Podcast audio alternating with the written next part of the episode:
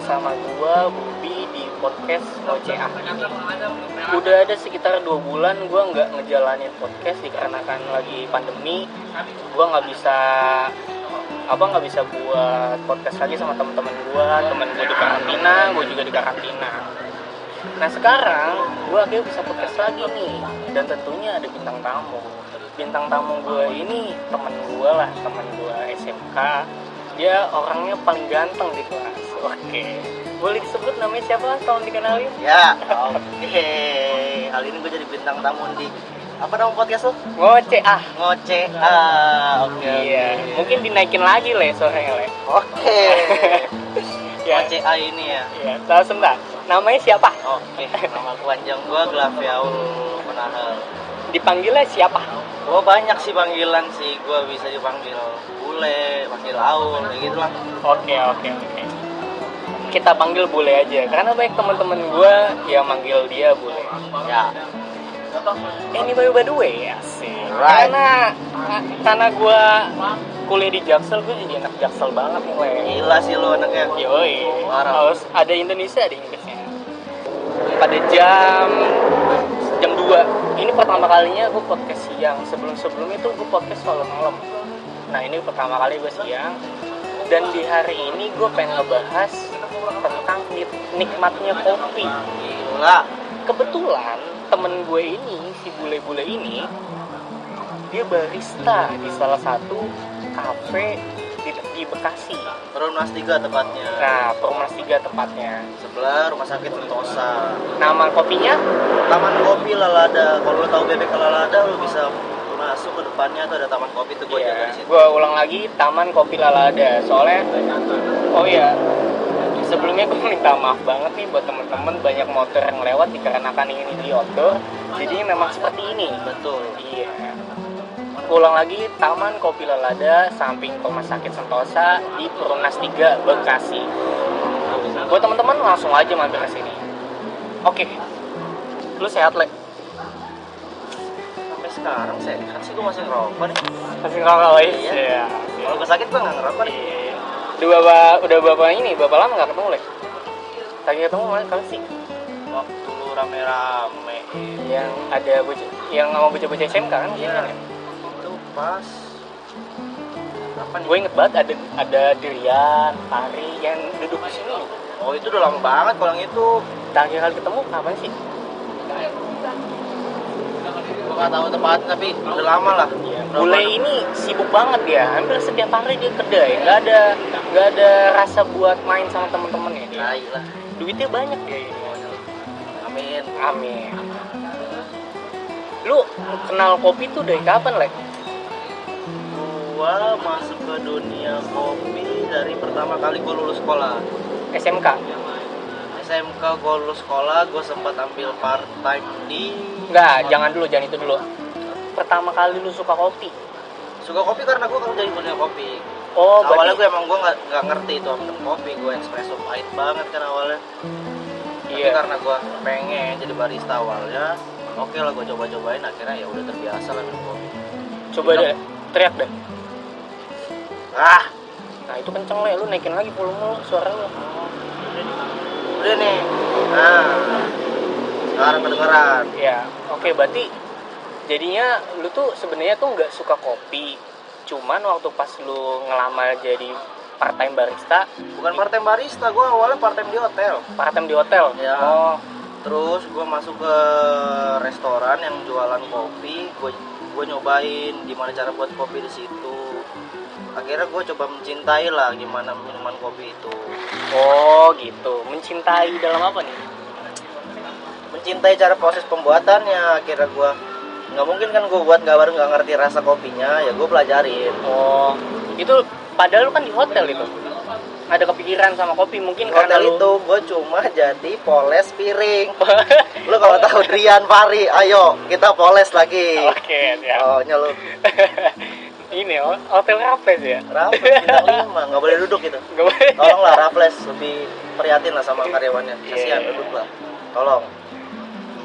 Terus abisnya akhirnya lu ini selesai di hotel. Selesai gue cuma ambil berapa minggu doang. Iya berarti lu awalnya di hotel cuman lihat-lihat doang? Betul. Cuman lihat-lihat doang? Di Oke, hotel. menarik nih tentang kopi cara pembuatannya kan? Sebenarnya di hotel tuh gue nggak nemuin apa-apa di kopi ya. Cuma pas gue masuk ke restoran setelah gue dari hotel itu gue ngelamar di restoran. Eh restoran itu ternyata jualan kopi. Oh gitu pertamanya gue cuma jadi waiters itu gue cuma ngeliatin tapi prosesnya asik nih. Gue liat-liat kan? Ah gue minta tolong lah sama barista di situ ajarin gue dong. Ajarin ajarin. Akhirnya gue semakin kayak pengen tahu gue ambil sekolah di Bandung di 5758 Coffee Lab kalau tahu di Suka, desa Sukajadi. Lalu sekolah kopi? Sempat sekolah gue ambil sekolah gue manual. tahu Hah? gue kagak tahu lu ngambil sekolah kopi lah gue cuma ambil sekolah cuma sehari kok cuma 8 oh jam. sehari? Kayak kelas gitu? Kelas kelas manual bro. Oh, dasar. di Bandung? Di Bandung. Anjing lu beneran ke Bandung itu? Bandung sama Komang. Tolong Komang yang bawa motor pulang pergi. Anjing bela-belain buat eh bela-belain ke Bandung cuman buat ngambil kelas kopi. Ya 8 jam di sana satu eh dua hari satu malam. Gue di sana seru nggak parah gue nggak tidur sama Komang. Parah gue berangkat jam 2 kelas gue jam 9 pagi nyampe sana jam 7 waduh. Dua jam gue tidur di lobi hotel karena belum bisa check in nah sekarang pertanyaan gua. Bayar nggak? Saya boleh disebutin apa enggak boleh sih lu Iya. kalau mau ambil sekolah manual di sana sangat worth it lah. Ya ini buat buat generasi Oh, muda kalau misalnya lu pengen sertifikat dengan trainer yang cukup dikenal lah di, di Indonesia tuh. Ya untuk kelas kopi ya boleh lah ambil 5758 apa materi juga masuk lah. Jadi bukan dapat sertifikat doang tapi apa yang diajarin bisa lu ilmu yang sangat ber inilah untuk dasar-dasar boleh lah. Lim, antara 5 sampai 6 enggak 900 ribu. 900 ribu. Iya untuk manual dasar ya. Untuk di kelas yang di Bandungnya dari 1 sampai 10 berapa menurut lu? Ininya nilainya. Iya lah hmm, 9,5 lah. Wis bagus banget nih kayaknya nih. Soalnya Bandung. Bandung nih. Jauh. tapi beresiko sih lu harus makan dulu jangan tidur dulu ya jangan lupa. Karena gua nggak tidur gua pulang-pulang panas gua Ah, iya. Tapi ini ya puas. Puas sih karena gua kayak apa ya mendapatkan hal yang baru lah. Sebelumnya gua cuma belajar pakai mesin espresso ini gua pakai manual dasar. Oh gitu. Terus waktu pas setelah lu dari ini setelah dari Bandung ke mana tujuan lu? Setelah dari Bandung gua di restoran itu sempat megang jadi baristanya cuma sebulan dua bulan. Restorannya itu tutup. Restorannya tutup? Tutup. Kenapa? Karena apa ya waktu itu ya? Karena Gua ada masalah apa ya waktu itu ya? Oh lu nya yang ada masalah? Bukan jadi restorannya emang tutup. Tutup karena apa ya pokoknya restorannya tutup, aja gitu. tutup ya. Nah berarti batal. Jadi gua sebelum itu pengumumannya sebulan sebelum tutup itu restoran kalau sebulan depan akan tutup dulu. Oh bet- tadi gue apa lupa? Jadi waktu pas lu selesai dari Bandung itu dapat sertifikat Hmm. sama dapat ilmu. Hmm.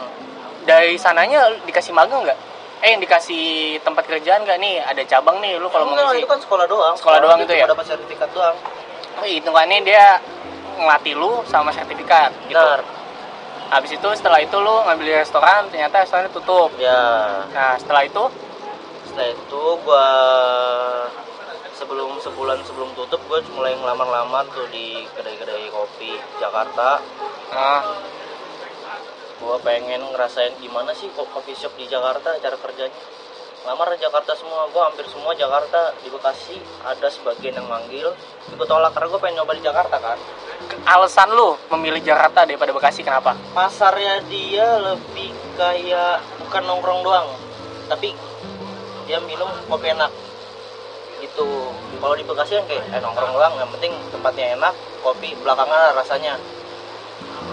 Kalau di Jakarta bener-bener yang kayak suka kopi gitu-gitu. Jadi kalau kopi nggak enak juga menjadi ini pertimbangan. menarik banget sih buat dibahas kalau menurut gua. Jadinya kalau menurut pendapat temen gue nih si bule kalau di Bekasi itu pasarannya lebih kebanyakan orang tuh buat nongkrong. Ya. Baru ngopi. Ya. Daripada kalau di Jakarta itu emang bener-bener mau ngopi. Ya. Baru nongkrong. Ya jadi nilainya kalau di Jakarta ngopi sambil nongkrong kalau di Bekasi nongkrong sambil ngopi. Oke gue paham. Pak. akhirnya dapet gak lu ini Jakarta? Dapat sih gue banyak ilmu banget gue enggak maksudnya barista dapet? Eh da- di Dapet kedai gua. satu apa dua? Berapa kali lu di Jakarta sekali sih Jakarta Barat. Gua berapa bulan berapa tahun? Setengah tahun lebih. Enam bulan lah deh tujuh Ya, bulan lah gitu ya? kebetulan gue masuk di kedai kopi yang baru grand opening oh. Kopi Pak Budi. Hmm. Pak Budi sekarang lumayan dah udah udah maju lah kau ya mudah-mudahan tambah maju karena waktu pas banget. di kopi Pak Budi jabatan lo apa? Jabatan gua awalnya emang dari junior barista. Junior barista grand opening gak lama gua dinaikin jadi senior. Pas gua mau dinaikin jadi head bar gua nggak lama keluar. Sempat tuh kena tata-tataran head bar tuh. Oh jadi inti intinya tuh lu tuh sebenarnya mau jadi head bar cuman lu keluar. Iya sayang karena banget menurut gua. Karena gua bantuin taman kopi yang ini sekarang. Oh jadi di gua main ke tempat teman gua tadi ada teman gua sini yang dari Paskibraka ah. Kerja sini. Terus ternyata bosnya dia kayak gue pengen buka kopi nih tapi gue nggak tahu. Ya udah saya bantuin aja tapi saya nggak bisa tapi saya nggak bisa kerja bener-bener sini full. Gue bilang gitu awalnya. Ah. I- itu terus? Terus ya udah bantuin bantuin bantuin. Alat gue beliin semua gue bantuin beli lahan jadi semua. Terus akhirnya ber- berarti lu bener-bener bantu dari awal banget ya? Kok bisa bilang kayak gitu? Bisa dibilang? Ya itu waktu pas lu ngebantu masih kerja di Jakarta? Masih bolak balik gue ketahuan gak tuh sama pihak sana pihak Jakarta ya? Akhirnya gue bilang karena gue pengen kerja di Bekasi. Udah Oh. kayak ya udah capek lah gue bilang di sini ditawarin lu mangga segini segini segini bantuin grand opening. Grand opening gue tanggal 1 September dua minggu sebelumnya itu gue bantuin. Jadi dua minggu langsung grand opening gue sini cepet buru-buru. Berarti waktu pas grand opening lu udah keluar apa belum? Grand opening gue udah keluar. Udah keluar. Berarti lu keluar di kopi Pak Budi baik-baik? Baik-baik gue nangis. Baru enggak gue sampai sekarang juga kayak wah kangen nih gila. Kangen ya? Gue nangis adanya tuh waktu ninggalin kopi Pak Budi. Nah, karena sana juga tim grand opening kan kayak awal bukanya gua. Iya. Sama teman gua juga mungkin lu apa banyak cerita banyak kes, apa banyak cerita pengalaman di sana juga. Oh, banyak dia banyak ngasih ilmu lah di sana Iya. tuh sam- sampai ke bawah ke bawah ke Bekasi jadi jadi pas gua di Bekasi ini kan ada tempatnya yang nongkrong buat ngopi jadi gua gimana se apa sebisa mungkin gua jelasin ke customer kayak ini lo kopi ini lo kopi yang enak kayak gini. Ah, di sisi juga tongkrongannya juga gue bikin enak sebisa mungkin. Iya selalu ngupgrade ngupgrade upgrade tempat misalnya ini yang nggak enak nih ya gitu karena gue nyetarain juga kan pasarnya gimana di Bekasi iya gitu Nah, berarti i- i- menurut gue ya, kalau selagi keluar ya baik-baik mah nggak apa-apa. Itu kan lu punya hak juga men. Iya. Itu lu punya hak, lu bisa menentukan tujuan lu ke depannya tuh ke mana. Lu ya nentukan lu di, di lu sendiri kan, bukan bukan bos lu yang di sana. bener Kan- Karena keluar baik-baik ya, oke, nggak apa-apa. Nah akhirnya lu keluar dari kopi di Pak Budi terus lu pindah ke temen lu pindah ke di teman gue kopi sini namanya taman kopi Lalada Nah, Taman Kopi Lada yang masih sampai sekarang. sampai sekarang udah jalan satu tahun satu bulan gue sini Satu tahun satu bulan lu Iya. di sini. Terus awalnya lu ngebantu temen lu ini dari awal banget sampai sekarang udah jadi. Itu karyawan lu sendiri berarti pas awal. awal gue karyawan cuma tim grand open- grand opening gue tiga orang Tiga orang. gue teman gue yang cewek pas kibraka itu Iya. Cantik gak lu ya? lihat aja sendiri Instagramnya Devira cari itu Iya. Sekarang jomblo apa enggak? nggak paham sih Eh, gua. nggak paham ya. Aduh. gue bilang jomblo takutnya dia yang deket sama cowok lain kan Iya, iya, iya. nggak ngerti gue Iya, satu bisa, lagi ada namanya Yuda Iya. Akhirnya lu grand opening jalan sampai sekarang udah Ya. selama satu tahun. satu tahun Awalnya pas grand opening lu jabatan lu apa lek? karena gue yang buka ya Jabatan lu apa lek? jabatan gua ya barista tadi bilang head juga gua ngebar ya udah gua ya barista lah pokoknya lah Pokoknya barista aja. Oh. Terus gue dapat kabar katanya lu sekarang jadi head bar nih lek. Sebenarnya nggak ada omongan ke head bar sih tapi ya udah gua paling ya nggak tahu lah gimana sih gua nggak ngerti juga sini ya, pokoknya barista aja Bisa bisa sekarang aja. pun gue masih ngeracik-racik kopinya Oh, masih seru gue masih nge- masih sangat berarti lu nggak mau Penasaran. mengakui lu sekarang headbar? kadang-kadang kalau gue sombong gue suka akui Oh, Oke, berarti bahkan gue ngakuin gue owner iya iya iya. bodoh amat bukan punya gue juga owner gue Oke, siap siap siap. Boleh boleh. Ada ada tempat tempat tertentunya ya buat lu bilang headbar, buat lu bilang ya owner ada bisa. ke orang-orang yang harus disombongin harus Iya. orang-orang yang merendah Oh iya, siap 86. itulah Asik. Terus gue nanya nih, alasan lu memilih barista tuh kenapa? Aw, balik lagi ke awal ya itu kayak Mungkin kalau yang gue rangkum dari tadi ya, dari awalnya lu lihat-lihat, lu coba, lu suka, akhirnya lu jadi hobi. Mungkin karena kayak gitu. iya awalnya cuma gara-gara gue liat kayak kerjaan barista nih kayak santai nih gue liat santai terus ada kayak ada citranya gitu loh kayak sekarang kan barista naik tuh gara-gara nggak bisa dipungkiri lah gara-gara film filosofi kopi kan Iya.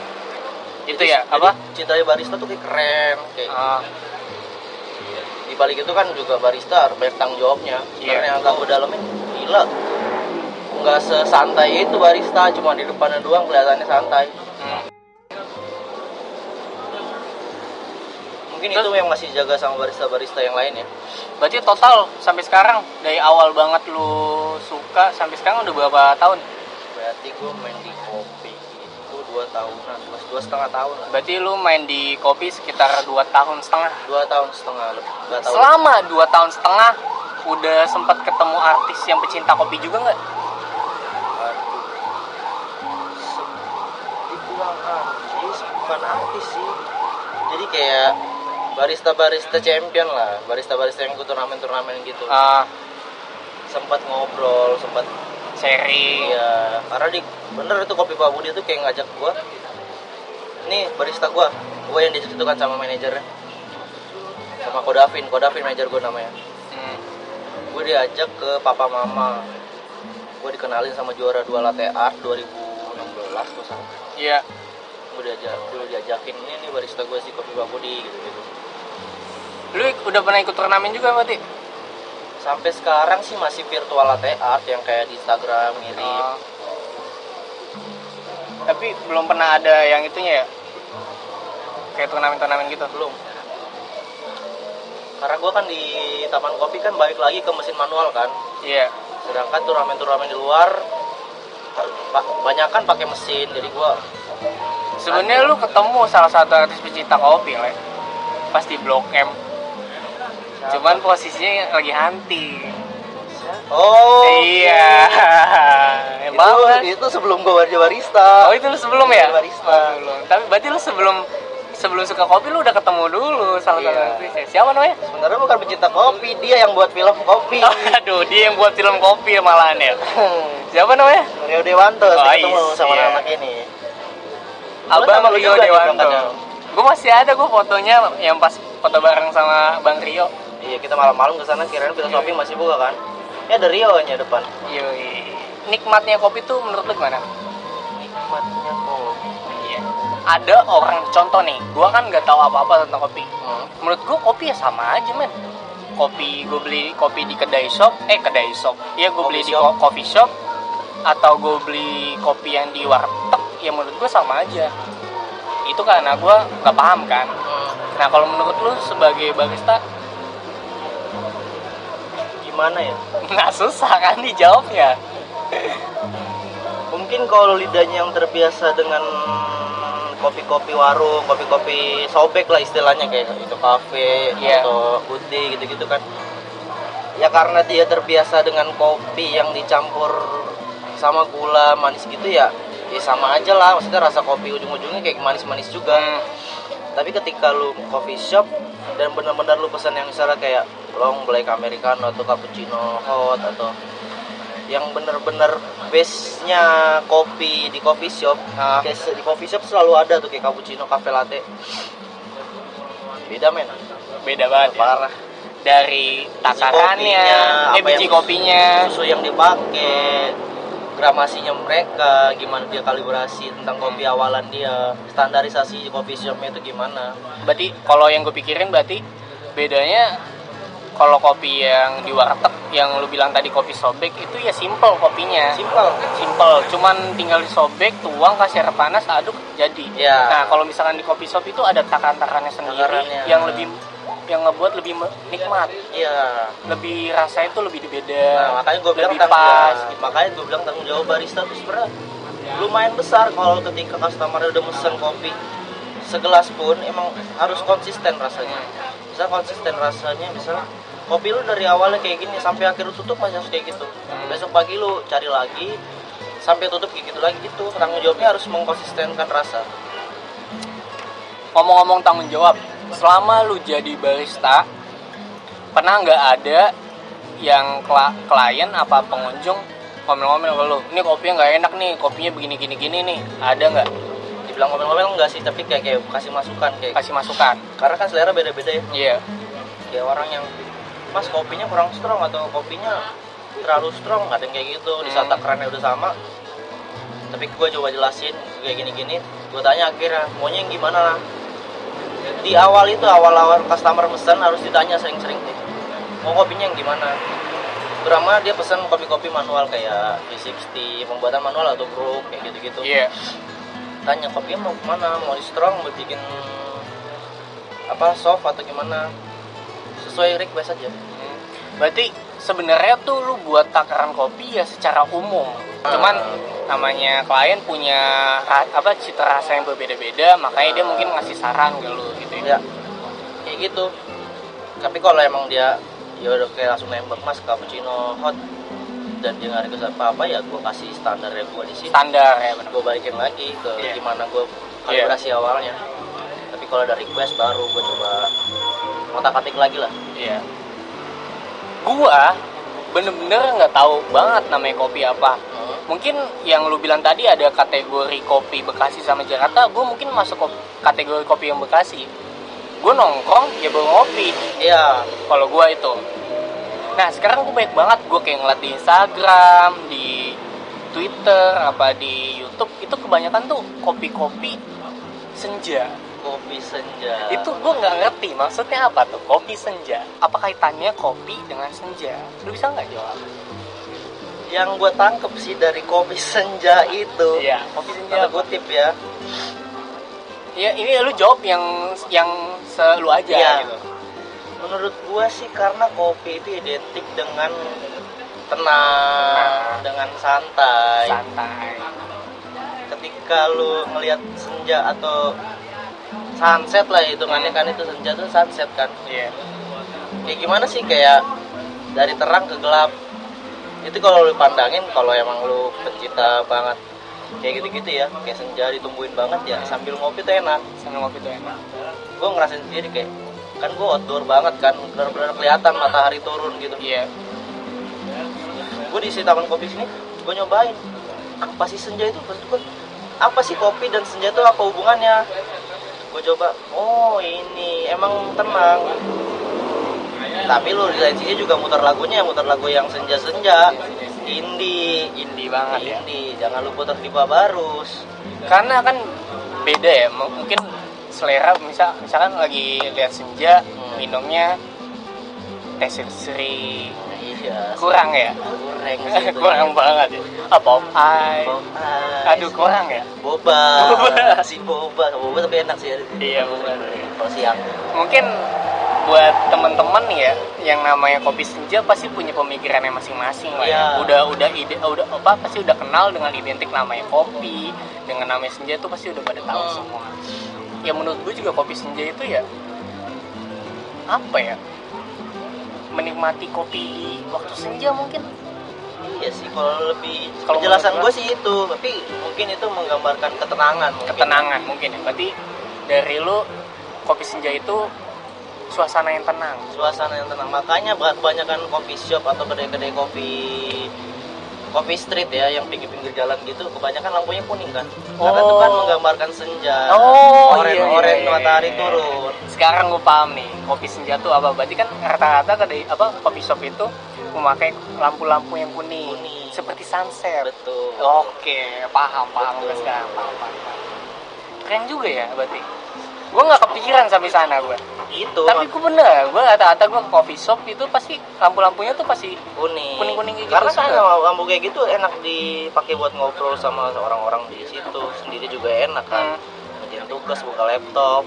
Iya. gitu gitulah nah gue tanya nih barista tuh punya musuh nggak sih?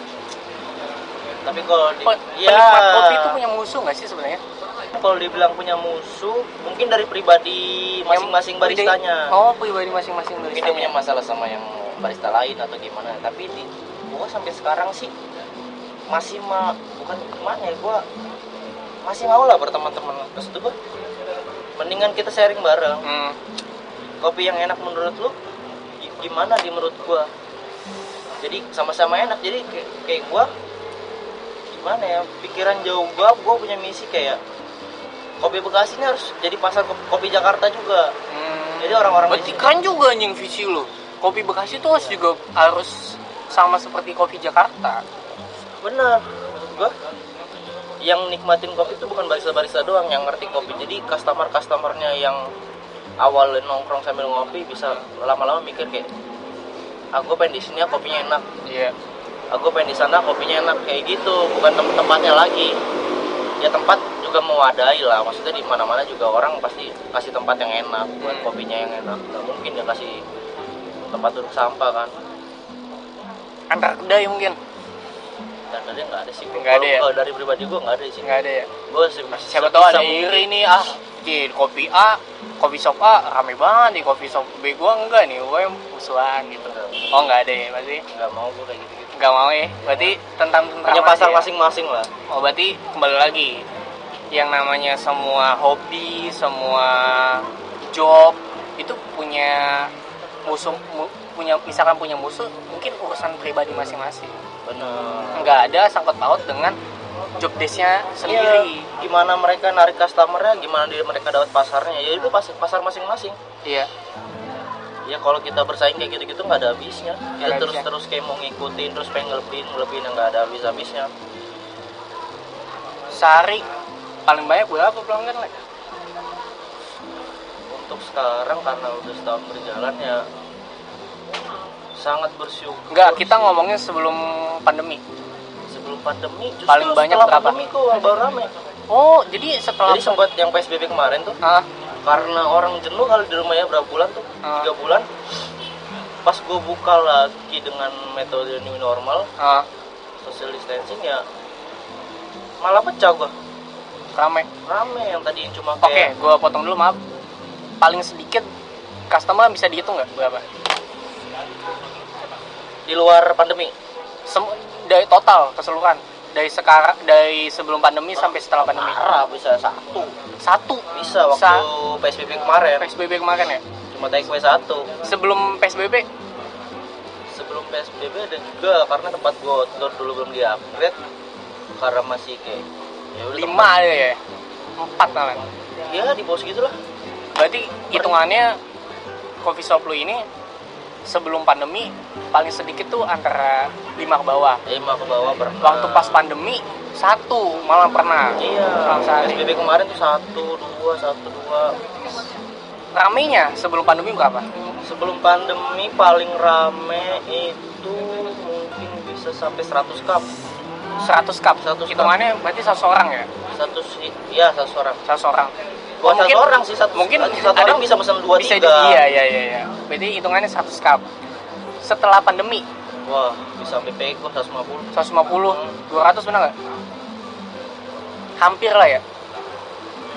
Hampir. Berarti hitungannya sebelum pandemi paling banyak itu sekitar 100 cup. Setelah pandemi eh waktu pas pandemi bisa hampir 200 cup. Bisa hampir 200 cup.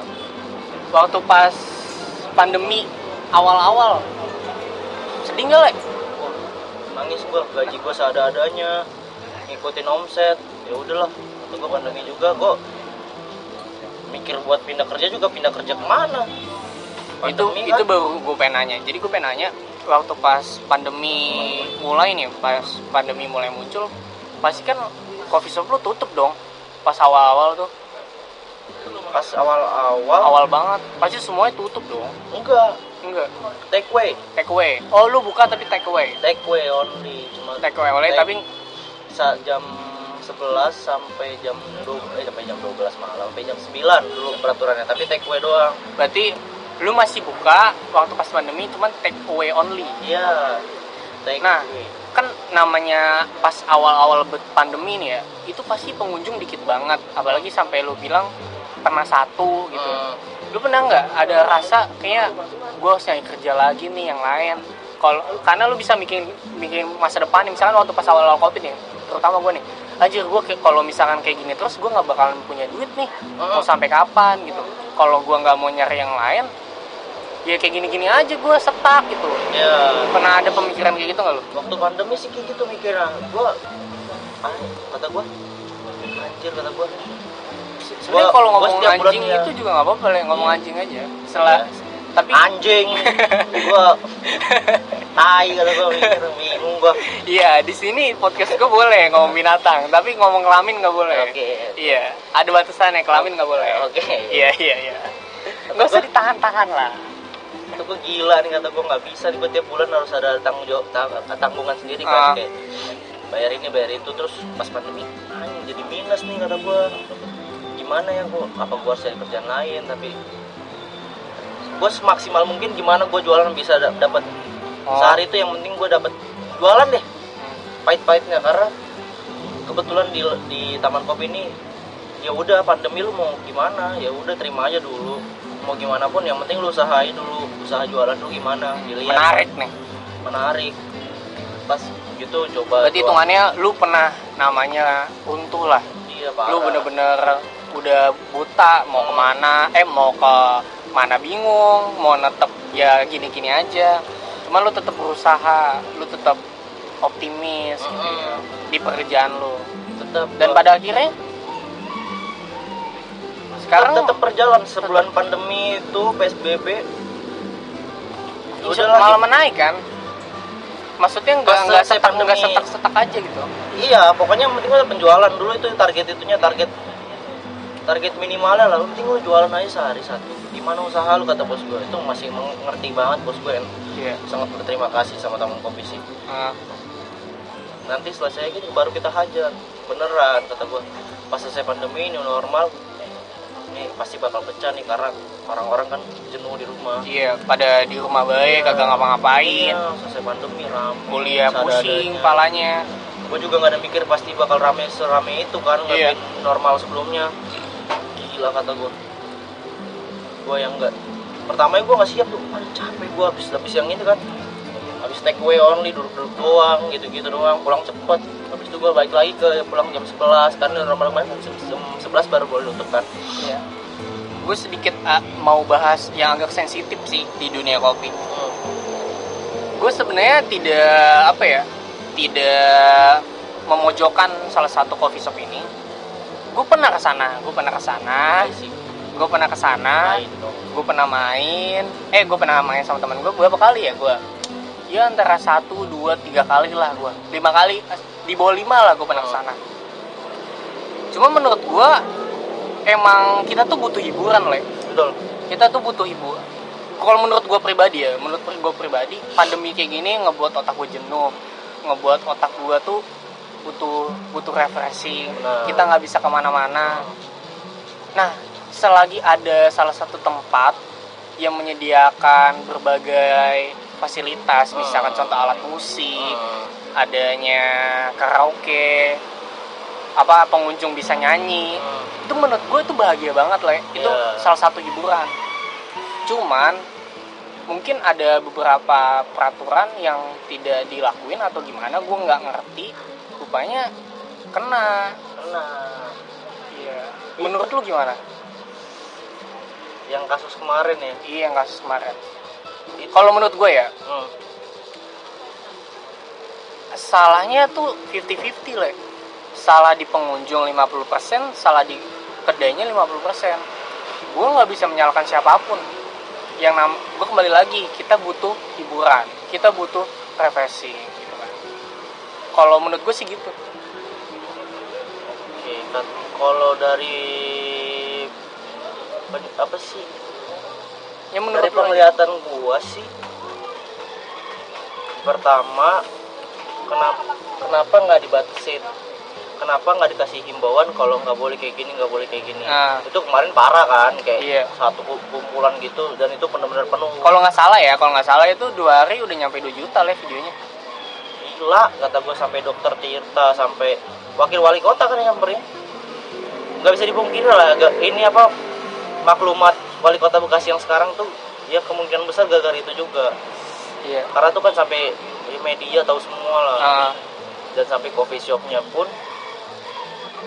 ya mungkin dia sekarang kebingungan juga ya. Gua gue sih berdoa sih supaya coffee shop yang kita maksud ini nggak ditutup selamanya sih. Udah buka. Udah buka dia udah sekarang. buka dan ik- ikutin ikutin protokol tetap buka jam 12 sampai jam 6 Hmm. Cuman ke depannya mungkin yang dikasih himbauan aja dikasih batas. Karena gue di sini pun gue masih kayak social distancing masih rame sih rame. Terus kalau emang nggak ngapa-ngapain kalau misalnya nggak minum nggak ngerokok ya pakai masker lah. Terus Hmm. ada batas ramenya. Terus kalau emang rame banget ya gue suruh pulang. Customer nggak bisa nggak bisa. Gue nggak bisa. berarti lu menolak gitu ya? Udah kapasitasnya udah penuh gitu? Tapi kalau masih ada tempat ya ya sok duduk ya itu sih makanya gue salahnya berarti kenapa bener- mereka gitu? bener-bener harus ngikutin protokol kesehatan banget ya sekarang? Untuk sementara iya masa-masa pandemi ini? Ya karena itu kan dia ngikutin protokol juga nyelamatin semua peda itu kan ngaruh juga ke PKL PKL kan dagang kaki lima. Akhirnya nggak bisa dagang sampai malam banget. Kalau PKL gitu kan biasa sampai jam 12 sampai sebenarnya demi kesehatan masing-masing Iya. baik dari coffee shopnya dari pengunjungnya. Heeh. Semua bagi kesehatan yang masing-masing secara pribadi. Mungkin dibilang kesel sih mungkin banyak gua dari dari orang-orang kayak ih kenapa sih lu kayak gini kayak gini coffee shop kayak gini? Gara-gara coffee shop lo nih jadi jadinya maklumat wali kota keluar nih kita nggak bisa dagang lagi sampai malam. Ya gimana udah udah lewat udah ya itu nggak semoga coffee shopnya jadi pelajaran aja lebih lebih menjaga protokol kesehatannya. Iya. Setidaknya udah tenang gitu jangan jangan gimana gimana gue juga sama aja orang-orang- yang bukan barista atau gua nggak pernah kerja di kafe aja pasti gua pernah mikir. Sesama barista juga pasti ada kesel Hmm. ada kecewa. Cuman pasti ada beberapa di antara mereka yang memaafkan. Iya. Mungkin beberapa di antara mereka mikir ini buat pelajaran bagi kita semua. Iya. Yang merasa punya coffee shop yang merasa barista untuk ke depannya lebih baik kan itu semua kan belajar dari kesalahan. Iya. Pasti kan semua orang punya kesalahan. Misalkan dia punya kesalahan lu punya kesalahan juga. Buat ke depannya lebih baik. Iya. Makanya balik lagi ke yang tadi lu bilang ini apa? Musuh-musuh itu. Ah. semoga ya yang coffee shop itu jadi banyak yang inilah. Jadi ya udah lu jangan kayak gitu lagi jangan sampai kayak gitu lagi. Jadi kayak semua coffee shop semua kedai juga semakin berteman ya. Ya didukung aja kayak gitu-gitu maksudnya. Dikasih tahu yang bener gimana dan semoga coffee shop juga mau masuk mau masuk sama ini ya masukan teguran ya. Hmm, karena kan itu teguran keras buat dia kan sampai disegel kayak gitu. Hmm. ya udah kata gue ya udah ter udah terjadi udah, udah maklumat juga ya, ya mudah-mudahan sampai tanggal 7 beneran selesainya maklumat ini ya soalnya kan dapat kabar bahwasannya sampai tanggal 7 buka sampai jam 6 eh sampai jam 6 Eh, cuma misalkan kalau ke depannya baik ke depannya ngikutin protokol mungkin dibuka lagi. Buka sampai sampai jam sebenarnya. Iya. Ya semoga aja. Tetap ke new normal lagi balik lagi pasti bakal ke new normal lagi. Iya. Ya mudah-mudahan gitu sih karena ya coffee shop kalau tutup sampai jam 6 apa yang didapat ya sedangkan orang nongkrong aja dari jam 6 sampai jam ke atas Iya. Sebenarnya banyak lah mungkin yang masih yang masih nggak mengikuti protokol menurut gua. masih banyak banget masih banyak banget le, sumpah gua nggak bohong. Pasti masih banyak banget yang masih nggak ngikutin protokol kesehatan, Nah. tapi nggak ketahuan. Pasti ada di luar sana. Nah mungkin kejadian kemarin itu mungkin bisa jadi pembelajaran untuk kita semua gitu. bukan pembelajaran buat coffee shop yang kena kasus kemarin doang ya jadi semuanya jadi kayak lebih jaga-jaga aja Iya. gue nggak mau nih sampai coffee shop gue juga jadi, jadi kena kasus kayak gini jadi segel juga nggak mau lah jadi semuanya setelah ya mudah-mudahan lah setelah nanti selesai ini jadi lebih jaga protokol kesehatannya iya semoga aja Mm-mm. karena menurut gue pribadi ya kayak gue bilang tadi gue bukan barista gue nggak pernah kerja di nggak pernah kerja di coffee coffee shop kayak gini kita juga butuh hiburan gitu. Contoh misalkan kayak nongkrong kayak di tempat nongkrong biasa biasanya apa sih? Paling cuma rokok kopi main gitar doang Hmm. sama teman-teman. Kalau setiap hari kayak gitu kan bosan Nah. kita juga butuh butuh hiburan. Misalkan contoh kita ke salah satu coffee shop aplikasi coffee shopnya ada musik apa musik live, lah, live musik iya. kita bisa dengerin semuanya Iya. teman-teman kita bisa nyanyi nyanyi juga kita bisa ngeliatin orang-orang mungkin kayak gua aja deh misalkan contoh gua main di coffee shop A nih gua nggak janjian sama si B ternyata di B Hmm. nah kan pernah kayak gitu juga kan Iya. jadinya tuh eh tiba-tiba malah jadi main Hmm. malah main bareng yang awalnya kita nggak pernah ketemu awalnya nggak pernah janjian eh tiba-tiba dipertemukan di Hmm. tempat itu kan bisa jadi penyemangat juga bagi kita di masa-masa pandemi ini. Iya. Ya itu sih pelajarannya jadi kayak ya mungkin nanti selain mungkin live musik ada lagi atau baik mungkin semoga baik lagi ke new normal atau mungkin bisa secepatnya ke normal lagi. Ya gimana kita si coffee shop yang kasih himbauan ke customernya gimana customernya ngerti sama himbauan itu? Iya. Harus kayak gitu sih harus kasih perik pokoknya intinya kita doain lah supaya semua toko-toko nggak coffee shop aja ya, Ya. semua toko-toko yang mungkin ada pengunjungnya bisa terus mengikuti protokol kesehatan de- Amin, amin. yang baik dan benar Ya. dan buat ke depannya supaya sukses terus buat toko-tokonya dan bisa menghibur bagi pengunjung semuanya ya sebelum sedikit lagi sebenarnya nih udah mau gue tutup nih podcastnya karena udah banyak gue bincang-bincang waktu sudah ada sekitar 30 menit atau 40 menit nah, gimana perasaan lu setelah semua berjalan lek? Yang lu harapin ini barista perasaan lu? Perasaan gua maksudnya gimana? Ya dari awal lu suka kopi eh dari awal lu cuma ngeliatin kopi lu bisa jadi barista terus lu sekarang udah ada sekitar 2 tahun setengah gitu. Eh, harap apa gimana perasaan lu seru sih gue bilang Seru. semakin sini kan kalau lu ambil dari sisi positifnya kalau mungkin ambil dari sisi negatifnya lu bakal anjing capek gini-gini doang. Bosan. Bosan gini-gini Iya. doang buat kopi gini-gini doang. Kalau lu nggak belajar lu stuck di situ aja. Nah, tapi kalau semakin lu belajar semakin seru. Semakin lu seru. bisa ngeksplor ke mana pun tentang misalnya kayak gue ambil kelas kemarin di Bandung kayak manual brew dasar. Iya. Ya setelah itu ya gimana gue ngeksplor tentang manual brew itu. Hmm. entah lu ngambil kelas lagi boleh tapi biayanya kan nggak nggak murah kan Hmm. kalau lebih profesional Hmm. ya sebisa mungkin di saat lu lagi kayak gini ya lu belajar aja semakin belajar lah Berarti intinya semakin lu mengeksplor tentang kopi, semakin seru. semakin seru sangat seru kalau emang lu suka di dunia kopi ya Nah, kalau emang emang suka di dunia Iya. kopi.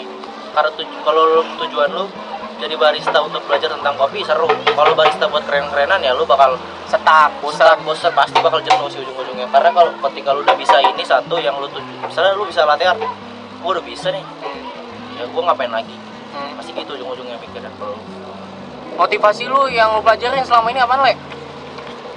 Dari yang lu nya bukan apa-apa sekarang menjadi apa-apa. Asik. motivasi gua ya Yang lu dapetin lah. Masa nggak ada sih? Yang lu bukan apa-apa anjir, yang cuma lu tukang apa tuh poles piring. Ah. Asik. Terus sekarang udah bisa Baiklah. jadi bisa apa? Bisa disebut head bar. hmm, Apa yang lu dapetin? motivasi gua selalu gua selalu gue ingat kata-kata senior gue di paskibraka justru paskibraka memberikan kata-kata motivasi banyak Apaan? tapi satu yang gua benar-benar gue tanamin sampai sekarang Ya. Dia bilang jadilah yang terbaik di antara yang terbaik itu selalu itu selalu gue tanemin sih kayak Itu menarik banget sih bukan gua. berusaha buat jadi di atas orang terus ya tapi selalu belajar gimana lu bisa lebih baik dari orang itu jadilah yang terbaik dari yang terbaik. Wih, gila itu keren banget sih itu. Simple tapi ada maknanya mantep banget itu. ya jadi Itu yang lu pegang motivasi dari sampai sekarang Sampai sekarang. sampai sekarang jadi gua ya terus belajar bukan bukan bukan buat nyaingin orang ya tapi Iya. kayak eh gua bisa nih lebih dari dia Hmm. kan ini kan ini kan kata-katanya baik kan Hmm. bukan tentang gimana Kalau misalkan lu ngomongnya di diri lu sendiri itu positif di lu positif di tapi kalau misalkan lu ngobrol di orang lain mungkin bisa jadi orangnya sombong gitu atau nah tapi kan ini kan kita kan kemauan kita diri sendiri Iya, makanya Iya. jadi motivasi gue sendiri masih bisa motivasi lu sendiri oke sebelum kita tutup ada satu pertanyaan lagi nih tips Oke. buat tips nih tips menurut lu untuk bocah-bocah yang di bawah kita nih asik bocah-bocah kita Hmm. obat ya. Untuk anak-anak remaja yang baru mau masuk ke dunia barista dunia kopi apa menurut lo tipsnya? Masuk ke dunia kopi jadi barista. Iya. Menurut lo aja. Kalau menurut gua balik lagi ke yang tadi pertanyaan lu sebelumnya. Apa? Nah, lu mau ngapain pas jadi barista? Lu mau ngapain jadi barista? Hmm, terus? lu mau belajar kopi atau lu mau keren-kerenan doang. Lu mau belajar ngopi atau keren-kerenan nah, doang kalau lu mau keren-kerenan doang ya lu sementara doang di kopi lu nggak bakal dapat apa-apa. Mungkin dapat lah kayak dasar-dasarnya ya. Tapi lu buang-buang waktu. Dan sementara. Iya. Kata mendingan lu pelajarin apa yang lu suka. Jadilah diri lu sukainlah apa yang lu lakuin. Semenjak itu masih positif lakuin terus. Wis, mantap banget. Gue simpulin nih. Jadi tips da tips dari Aul buat teman-teman nih yang sekiranya mau mas eh, yang, baru belajar atau baru mau masuk ke dunia kopi, itu lo harus punya tujuan dulu. Lu mau jadi barista yang benar apa barista yang buat keren-kerenan doang. Hmm. Karena kalau misalkan lu jadi barista yang buat keren-kerenan doang, hitungannya lu cuman sementara, ujung-ujungnya lu bakal sih bakalan bosan. ya Tapi kalau misalnya lo jadi barista yang baik, yang benar, lo pasti bakalan belajar terus buat nge-explore, ya buat terus berkembangi dunia kopi lo. Dan buat ke depannya pasti bakalan seru. bakalan seru banget kalau emang lu mau belajar banget ya Pas banget nih, waktu sudah asar dan emang sekarang udah mau gue tutup. Oke, dikarenakan tadi azan asar, makanya gue jeda dulu. Nah, gue lanjutin lagi untuk closingan. Pokoknya buat teman-teman semua, jangan lupa buat dengerin podcast nikmatnya kopi ini yang bersama temen gua Aul selaku barista di Taman Kopi. Pokoknya harus didengerin dah. Dan gue juga terima kasih banget nih sama lu nih. oke Udah mau jadi bintang tamu di podcast gua. Mungkin ke depannya bisa jadi bintang tamu lagi di beda cerita atau beda pembahasan yang ya, mungkin kayak pembahasan SMK kan Iya, rame-rame asik Nanti sama anak-anak SMK gua ajak ya. ya BMC Ya, wis, BMC. saya sebut nih BMC Oh, iya. siap ngumpul Siap, siap, siap. Oke, sekian dari gua. Sebelumnya gua meminta maaf jika ada kesalahan yang gua kata atau teman gua yang salah berbicara. Intinya di podcast ini gua sama teman gua tidak menyudutkan siapa pun, tapi kita membahas untuk belajar ke depannya lebih baik lagi. Untuk pokoknya untuk ke depannya ma- masa depan kita masing-masing itu lebih baik Hmm. dalam masa pandemi pandemi ini. ya Intinya jangan lupa tetap selalu menjaga protokol kesehatan yang baik dan benar dan terus tetap pakai masker, cuci tangan, mau ke mana-mana bawa hand sanitizer. Sekian dari gua, kurang lebihnya mohon maaf. Eh, ah ngoceh mulu ya, asik ya, okay.